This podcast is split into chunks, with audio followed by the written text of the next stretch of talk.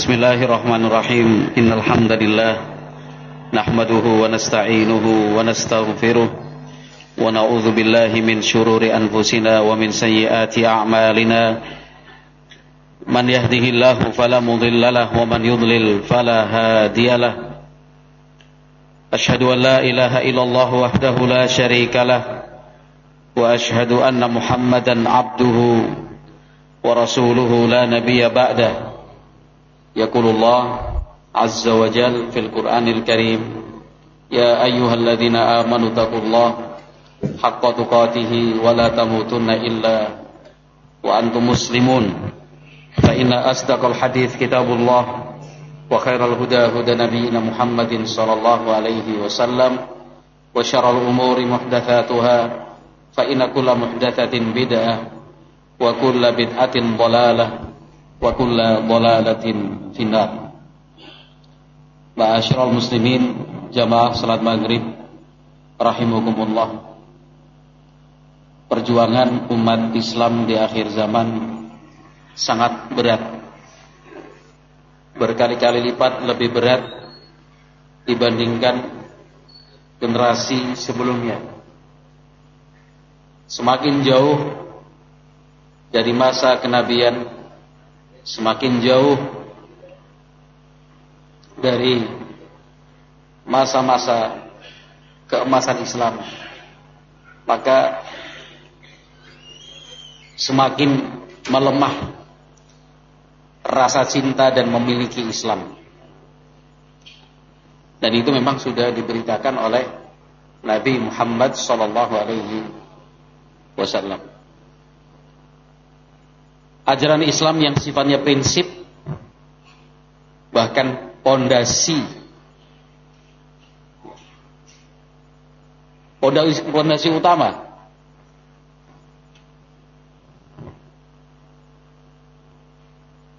Masih banyak yang belum faham dan tidak mengerti. Sebagai contoh tentang rukun Islam. Lima rukun Islam disebut rukun karena memang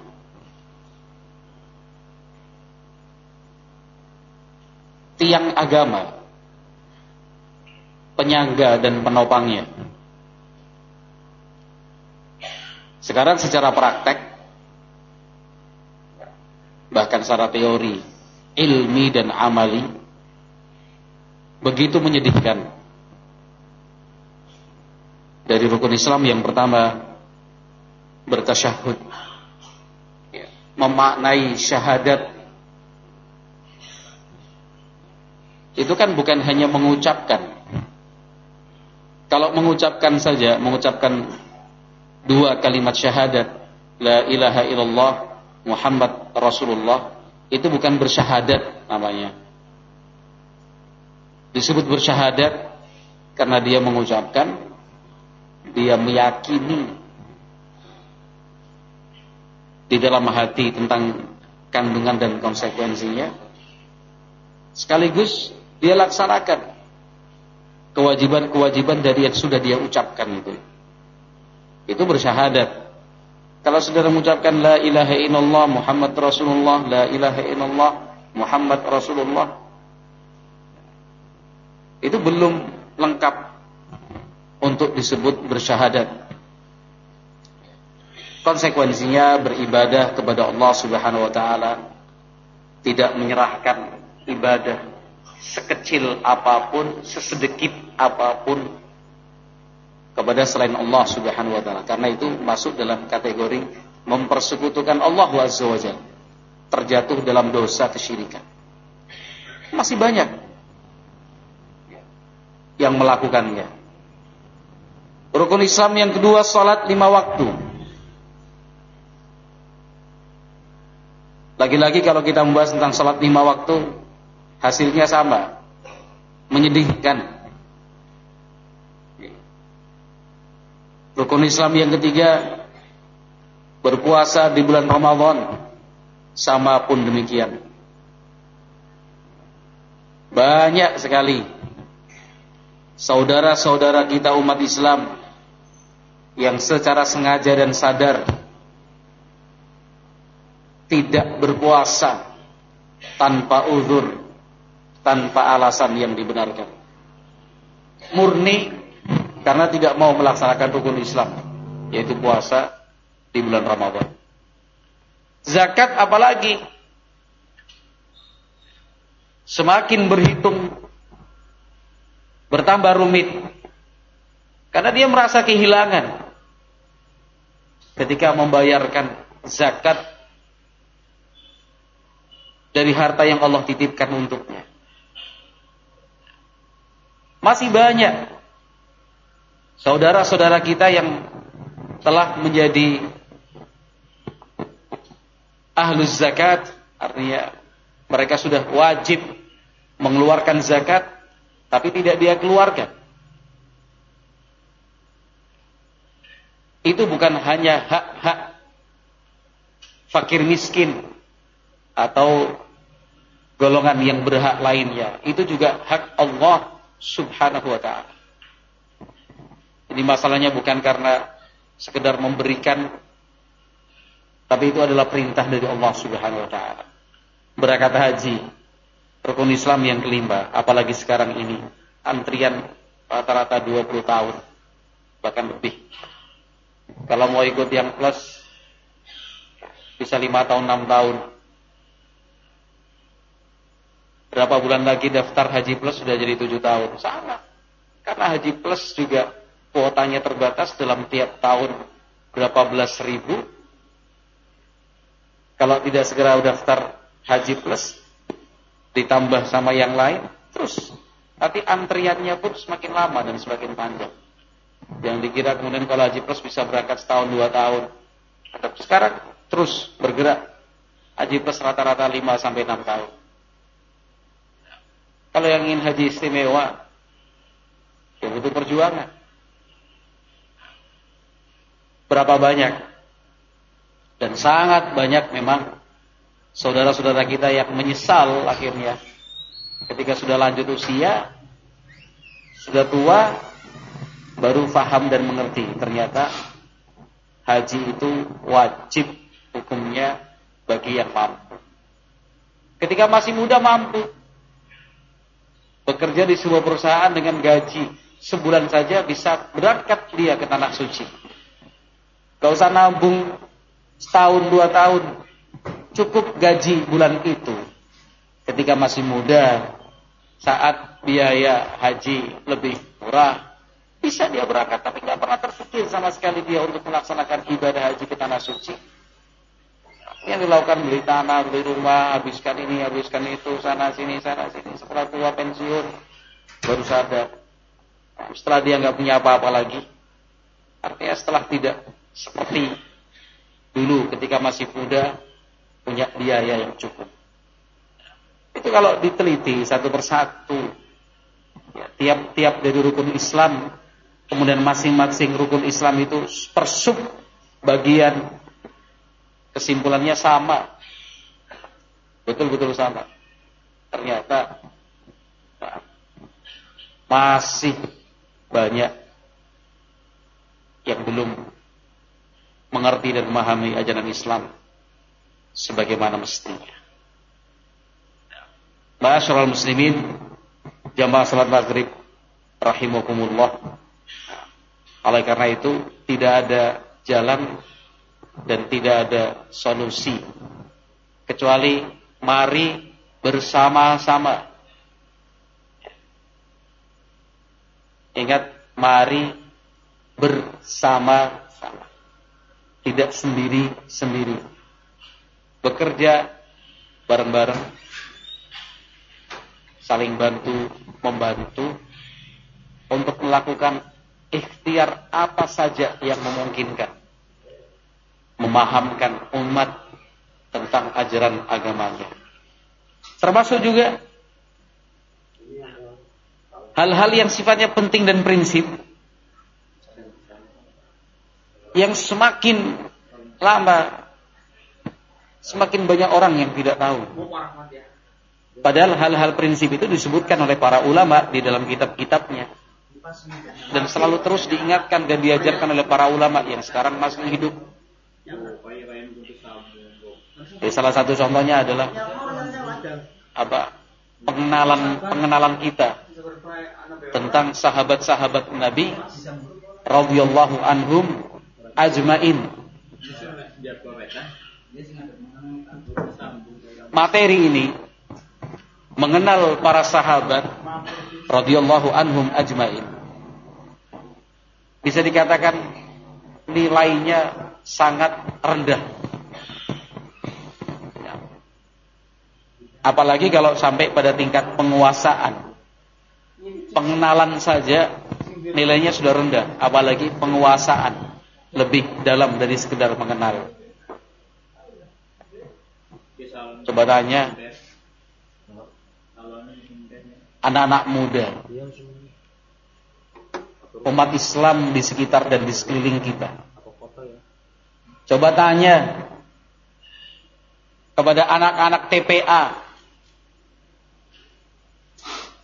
yang relatif lebih rajin belajar agama dibandingkan yang tidak ikut serta dalam kegiatan TPA. Misalnya, tanya itu kepada anak-anak Muslim. Tanyakan kepada mereka nama-nama sahabat Nabi radhiyallahu anhum ajmain. Kalau bisa menjawab alhamdulillah. Itu pun empat saja Abu Bakar, Umar, Utsman, Ali. Lebih dari itu kesulitan untuk melanjutkan jawaban.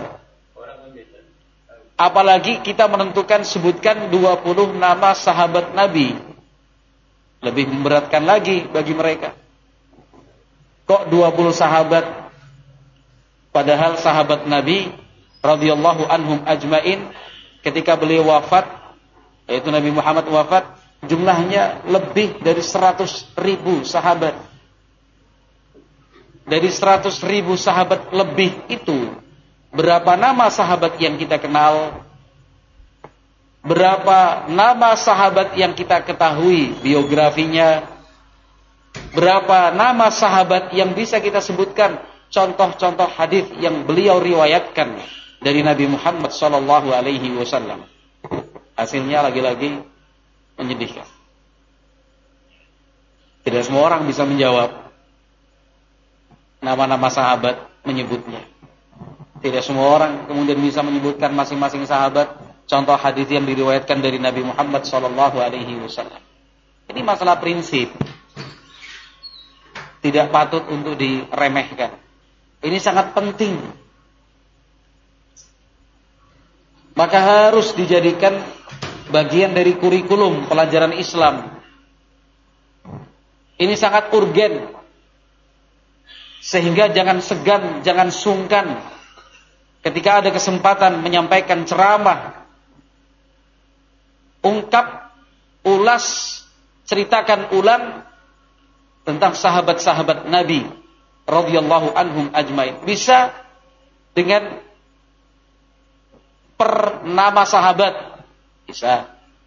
Cerita tentang Abu Bakar, lengkap, Umar, lengkap, Utsman, lengkap, Ali, lengkap. Bisa juga dengan satu bab tersendiri tentang bersyukur misalkan. Itu satu judul. Kata Abu Bakar tentang syukur, kata Umar tentang syukur, kata Uthman tentang syukur, kata Ali tentang syukur. Kata Zubair bin Awam, kata Talha bin Ubaidillah radhiyallahu anhu majma'in tentang syukur. Boleh? Itu penting sekali barakallahu fikum. Dekatkan, kenalkan sahabat-sahabat Nabi kepada umat Islam. Kepada umat Islam. Maka banyak sekali percakapan di antara orang-orang kafir yang ingin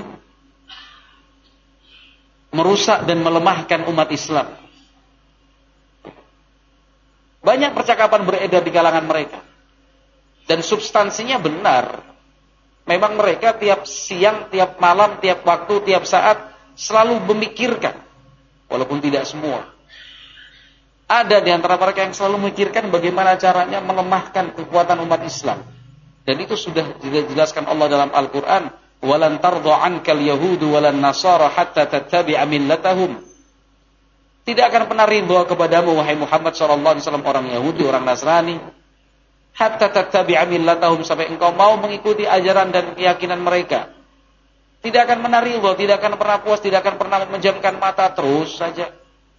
Dibuat lembaga-lembaga penelitian, dibuat krisis-krisis center, dibangunlah LSM, LSM, gitu. kelompok-kelompok dan organisasi-organisasi peneliti. Itu dibuat untuk memberikan rekomendasi. Mengambil langkah strategis bertahap dan terorganisir. Caranya bagaimana? Supaya umat Islam itu semakin hari semakin melemah. Karena kan dendamnya luar biasa kepada umat Islam. Jadi jangan sampai lengah. Jangan sampai kita kurang waspada. Jangan sampai kemudian kita menganggap biasa dan aman-aman saja. Tidak, wong itu Allah firmankan dalam Al-Qur'an, "Walan tardu ankal yahudu walan nasara hatta tattabi'a millatahum." Wadu law taghfuluna an aslihatikum wa amtiatikum fayamiluna 'alaikum mailatan wahidah. Mereka ingin umat Islam itu lengah, sudah dihancurkan. Mungkin tidak dengan fisik, tapi dengan pikiran dan gaya hidup. Jadi percakapan di antara mereka itu banyak sekali. Diskusi-diskusi itu dilakukan.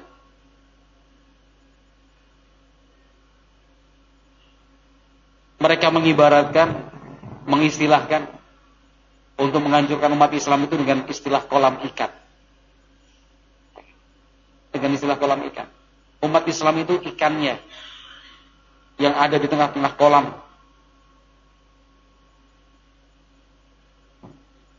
Satu dari mereka diperintahkan tangkap ikan itu. Wah, nggak bakalan bisa tangkap. Kesit ikannya. Kejar sana, kejar sini. Tunggu di sana, tunggu di sini. Jaring sana, jaring. Oleh para pemikir-pemikir di kalangan mereka, yaitu umat Islam. Kalau kita melemahkannya dengan cara seperti itu nggak bakalan bisa. Tapi coba kuras kolamnya, keringkan, ambil airnya. Itu percakapan loh diskusi di kalangan mereka. Akhirnya coba kolamnya dikuras, dikeringkan. Setelah kering, ikan itu mati dengan sendiri, nggak perlu dicari-cari, nggak perlu dikejar-kejar lagi jauhkan umat Islam dari Al-Quran, jauhkan umat Islam dari hadis-hadis Nabi Shallallahu Alaihi Wasallam.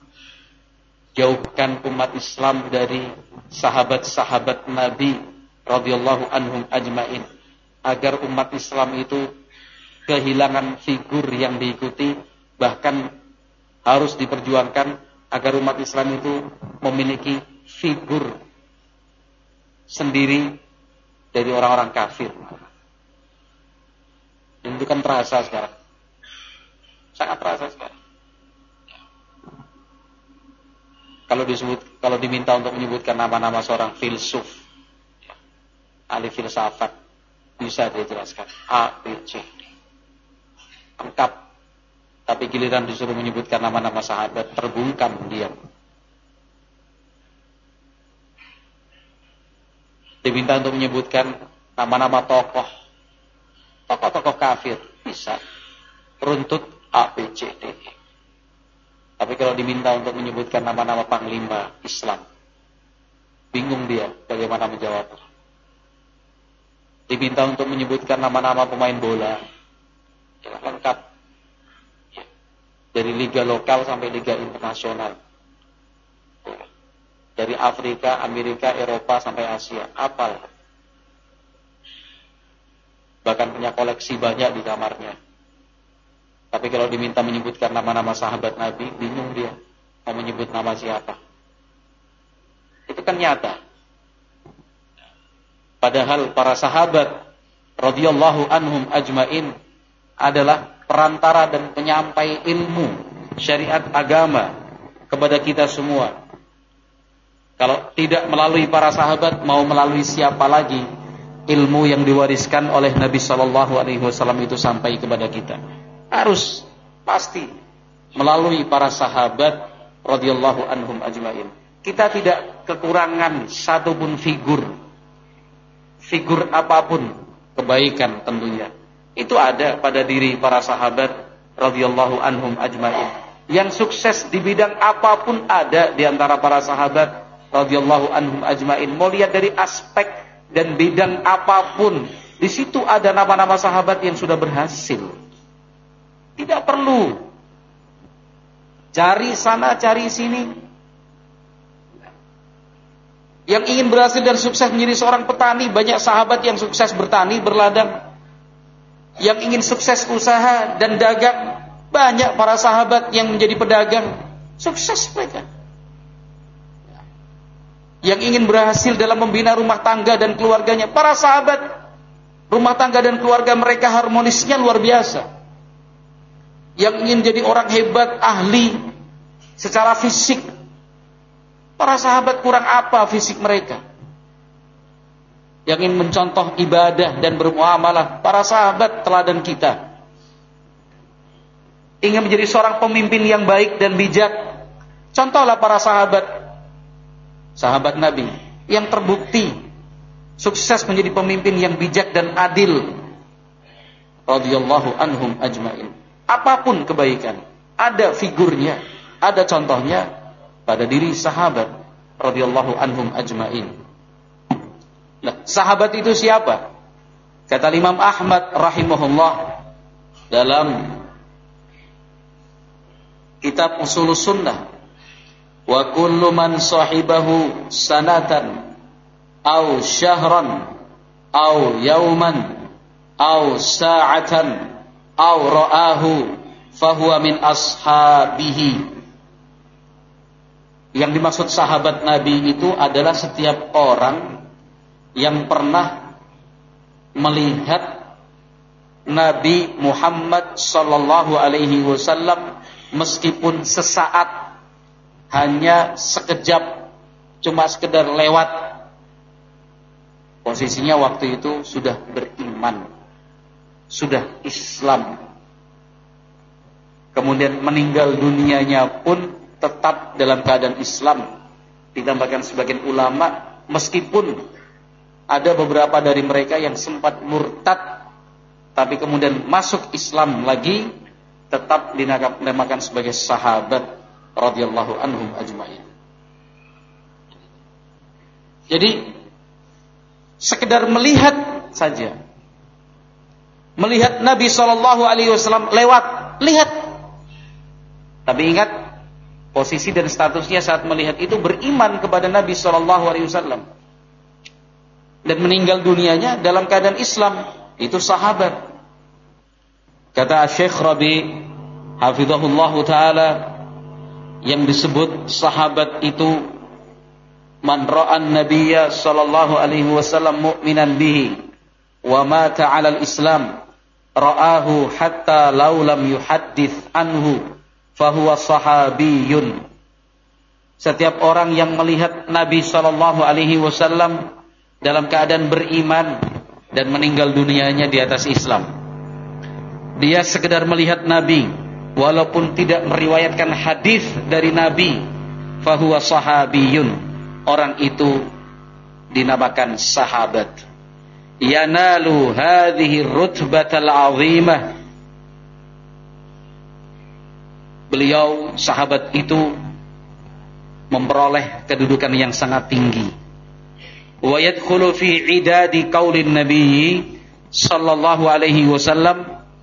Orang itu yang memiliki status sahabat meskipun melihat nabi sesaat tidak pernah meriwayatkan hadis dari nabi sallallahu alaihi wasallam ini juga masuk dalam pesan Nabi Muhammad sallallahu alaihi wasallam yang diriwayatkan al Bukhari dan Muslim. Kata Nabi sallallahu alaihi wasallam la tasubbu ashabi fawalladhi nafsi biyadihi law anfaqa ahadukum mithla uhudin dhahaban ma balagha mudda ahadihim wala nasifahu Nabi Muhammad SAW berpesan jangan menghina sahabat-sahabat. Demi Allah, zat yang jiwa Muhammad ada di tangannya. Andaikan kalian berinfak emas sebesar gunung Uhud. Sebesar gunung Uhud. Emas. Banyak itu. Tanpa campuran apa-apa. Tidak ada lagi tanah, kerikil dan batu atau pasirnya. Murni emas sebesar gunung Uhud. Gunung yang begitu besar itu. Seandainya, padahal nggak mungkin kan kita berinfak seperti itu. Satu juta aja kita udah mikir-mikir. Satu juta aja sudah menjadi sejarah dalam hidup yang tidak terlupakan. Bisa menjadi cerita turun-temurun karena cucunya itu kalau simbanya pernah infak satu juta rupiah. Ya kan? Nah, saking kita nggak bisa membayangkan infak sejuta, masya Allah. Apalagi emas sebanyak gunung Uhud saking banyaknya Kata Nabi Shallallahu Alaihi Wasallam, andaikan kalian berinfak emas sebesar gunung Uhud, itu tidak akan bisa menyamai sedekah mereka.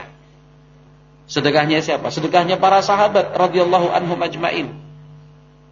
Satu mud saja enggak bisa menyamai, bahkan wala nasifat. Jangankan satu mud, separohnya sahabat infak satu kepal tangan sedekah.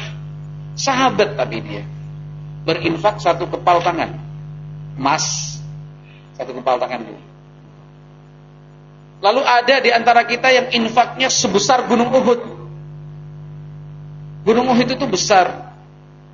Memang tidak setinggi gunung Selamat. Iya. Tapi memanjang dia.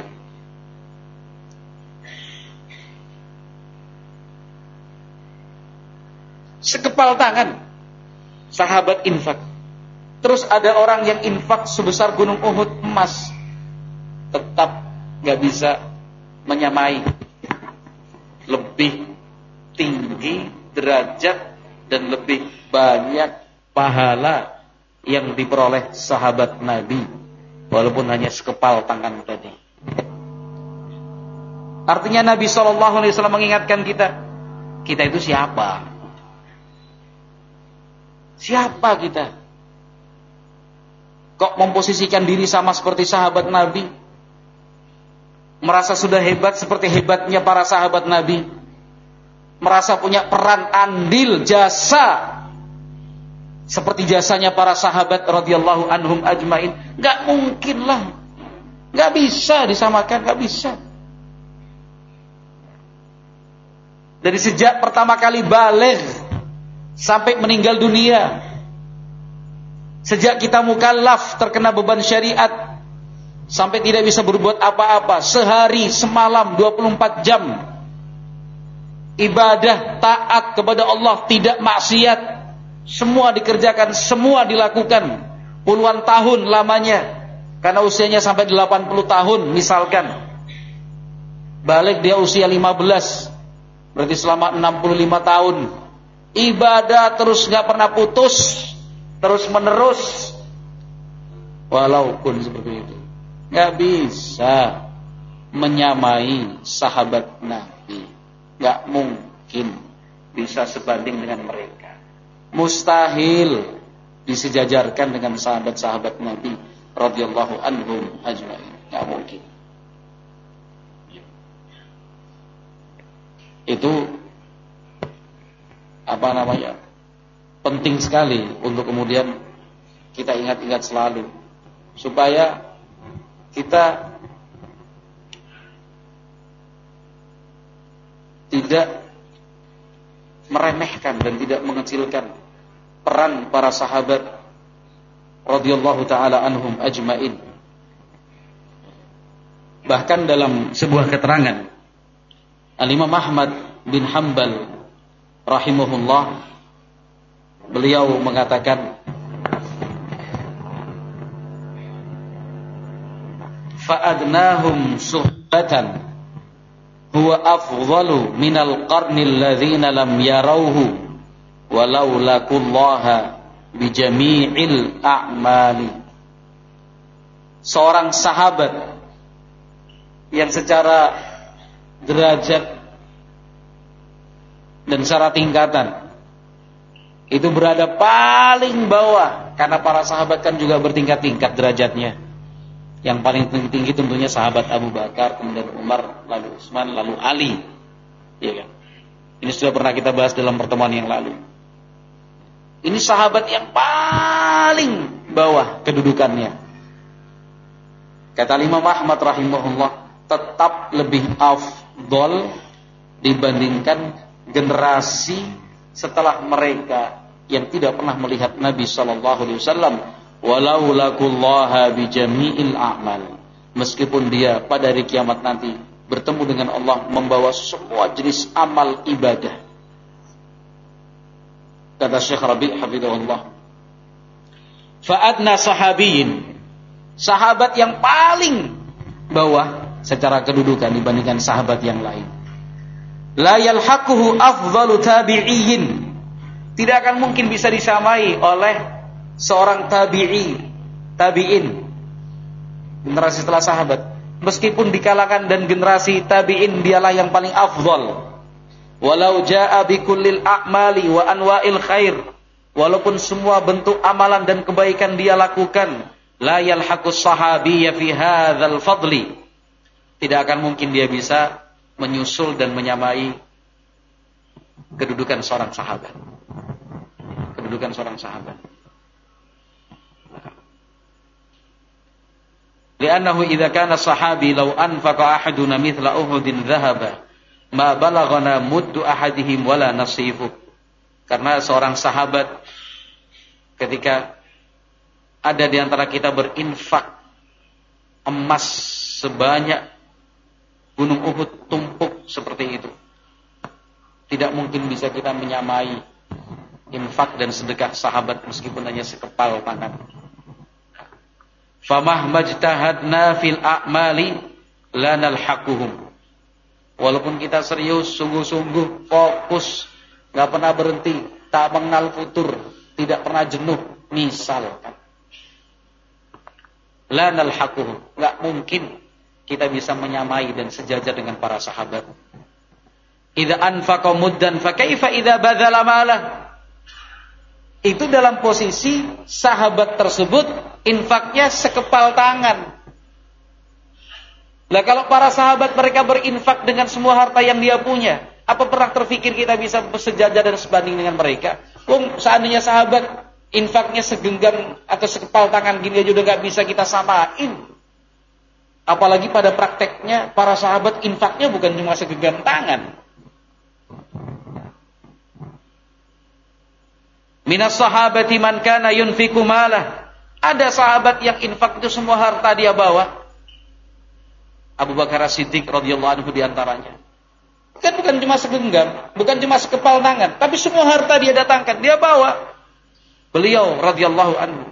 Wa minhum man yunfiku syatra malih ada di antara sahabat yang berinfak membawa separuh harta. Jangan dianggap kecil separuh harta itu. Kita nggak mungkin bisa melakukannya. Ya kan? Pikir aja mungkin bisa jatuh pingsan kita. Baru berencana aja udah, mas, amat. Baru mikir aja. Belum, belum berencana, belum bertekad, baru mikir. Kalau misalkan pengen infak separuh harta terus kepriwe ya. Tanahnya, rumahnya, udah bingung kita. Banyak pertimbangan, selalu ada perhitungan. Umar bin Khattab bawa separuh hartanya. Wa minhum man yujahizu jaishan ka Uthman wa minhum wa minhum ada di antara sahabat yang membiayai keperluan pasukan perang padahal biaya perang itu sangat tinggi. Seperti sahabat Uthman demikian juga sahabat yang lain sahabat yang lain. Fabadhalu amwalahum fi sabilillah. Mereka salurkan mereka habiskan harta benda yang dimiliki untuk berjuang di jalan Allah. Wa hadza ya'ni law qaddama tamratan aw qaddama nisfa muddin aw qaddama ma qaddam. Maksudnya seorang sahabat itu kalau berinfak satu biji, satu butir kurma, satu butir kurma. Atau setengah mud ya. Atau apa pun yang diinfakkan, apa pun itu. la yalhaquhu mahma anfaq. Enggak mungkin kita bisa menyamai sebanyak apa pun yang kita berikan. Fadlullahi yu'tihi man yasha. Dzalika fadlullahi yu'tihi man yasha. Itu adalah keutamaan yang Allah berikan untuk orang-orang yang dikehendakinya. Maka enggak boleh haram hukumnya untuk merendahkan, mencela para sahabat radhiyallahu anhum ajma'in. Celah yang selalu digunakan oleh orang-orang yang tidak suka dengan Islam dalam rangka merendahkan, menghina para sahabat. Karena tujuannya bukan sebatas menghina sahabat, merendahkan sahabat sampai di situ tidak. Artinya kan ingin memutus jalur penyampaian ilmu dari Rasulullah SAW kepada umat. Yang menjadi penyampai ilmu itu kan para sahabat. Kalau kita sudah tidak percaya lagi dengan sahabat, kita curiga dengan para sahabat, kita berpikiran buruk tentang para sahabat. Artinya ilmu itu akhirnya putus di situ. Ajaran agama bagaimana kita melaksanakannya? Kalau tidak melalui jalur sahabat radhiyallahu anhum Maka hati-hati, waspada.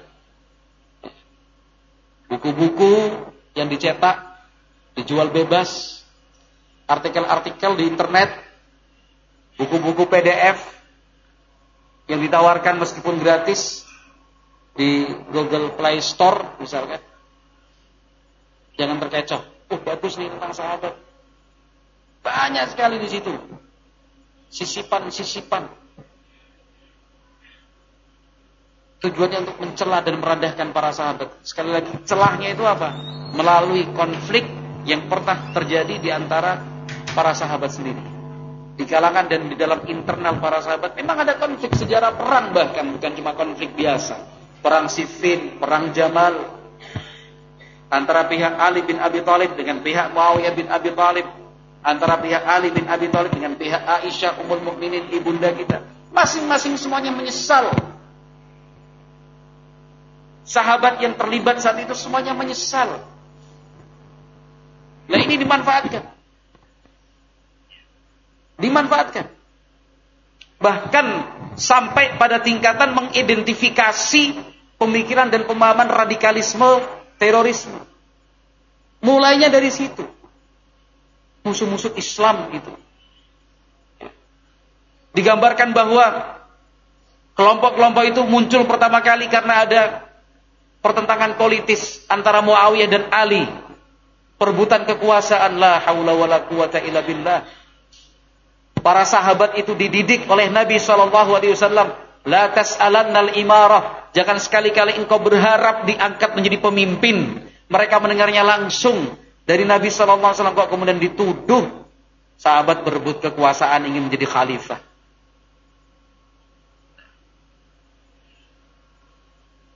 Karena ada perseturuan politis di situ. Muncul kaum Sunni, muncul kaum Syi'i, Syiah, Sunni dan Syiah. Muncul kaum Khawarij. Cikal bakalnya seperti itu. Dalam makalah disebarkan ke mana-mana. Riset katanya. Kalau yang ikut Ali itu kaum Syiah, Ahlul Bait. Kalau yang ikut Muawiyah bin Abi Sufyan, ini kalangan Sunni secara umum. Nanti dari barisan Ali bin Abi Thalib ada kemudian apa namanya melepaskan diri. Kaum Khawarij namanya. Kalau yang mengikutnya Ali Syiah sekarang ada Abi, ada Ijabi di Indonesia. Kalau nanti yang Sunni, yang ini Ahlu Sunnah, ini, ini, ini, ini. Nanti yang kalangan Khawarij sekarang ada ISIS, ada HTI, ada Ikhwanul Muslimin. Dari pemikiran yang keliru tentang konflik para sahabat radhiyallahu anhum ajmain. Itu bukan ranah kita. Siapa kita menghukumi sahabat? Siapa kita untuk kemudian mengatakan sahabat ini begini, sahabat ini begini, sahabat ini begini, sahabat ini begini? Tidak diajarkan oleh para ulama kita. Ulama kita mengatakan alhamdulillah Allah jaga tangan kita. Allah jaga tangan kita. Tidak terlibat secara fisik dalam konflik-konflik yang terjadi di kalangan para sahabat. Allah sudah jaga tangan kita, maka jaga lisan kita. Jaga lisan kita. Jadi secara praktek kalau ada buku-buku seperti itu ambil. Amankan. Buku yang isinya mencela Muawiyah bin Abi Sufyan, mencela Amr ibn al-As, mencela Ali bin Abi Thalib, mencela Abu Bakar As-Siddiq, mencela Umar, mencela Uthman, mencela mencela Ali, mencela Abu Dhar, mencela Salman Al-Farisi. Mencela para sahabat. Buku jelas-jelas. Sahabat itu masuk Islam ada yang karena takut, ada yang karena faktor ekonomi, ada yang nggak serius, ada yang menyembunyikan kekafirannya, ada yang ingin tendensinya kekuasaan, ada yang gila perempuan, ada yang korupsi. La haula wala quwata illa billah. Sopo gue? Nabi Muhammad mengatakan la tasub ashabi, jangan engkau celah sahabatku. Kalau ada buku seperti itu amankan. Memungkinkan bakar. Masa dibakar? Dan buku itu ingin membakar fondasi Islam kok. Masih kita eman-eman waduh, bungkus roti wae. Jangan. Bungkus roti masih bisa dibaca sama orang yang makan roti. Bakar. Sudah jelas mencela sahabat kok. Kalau hadir di sebuah ceramah, di sebuah ceramah, penceramahnya bicara tentang kejelekan-kejelekan sahabat, nggak usah sungkan, nggak usah pakai angkat tangan, izin pak, langsung keluar gitu aja. Wah, pekewo, masya Allah.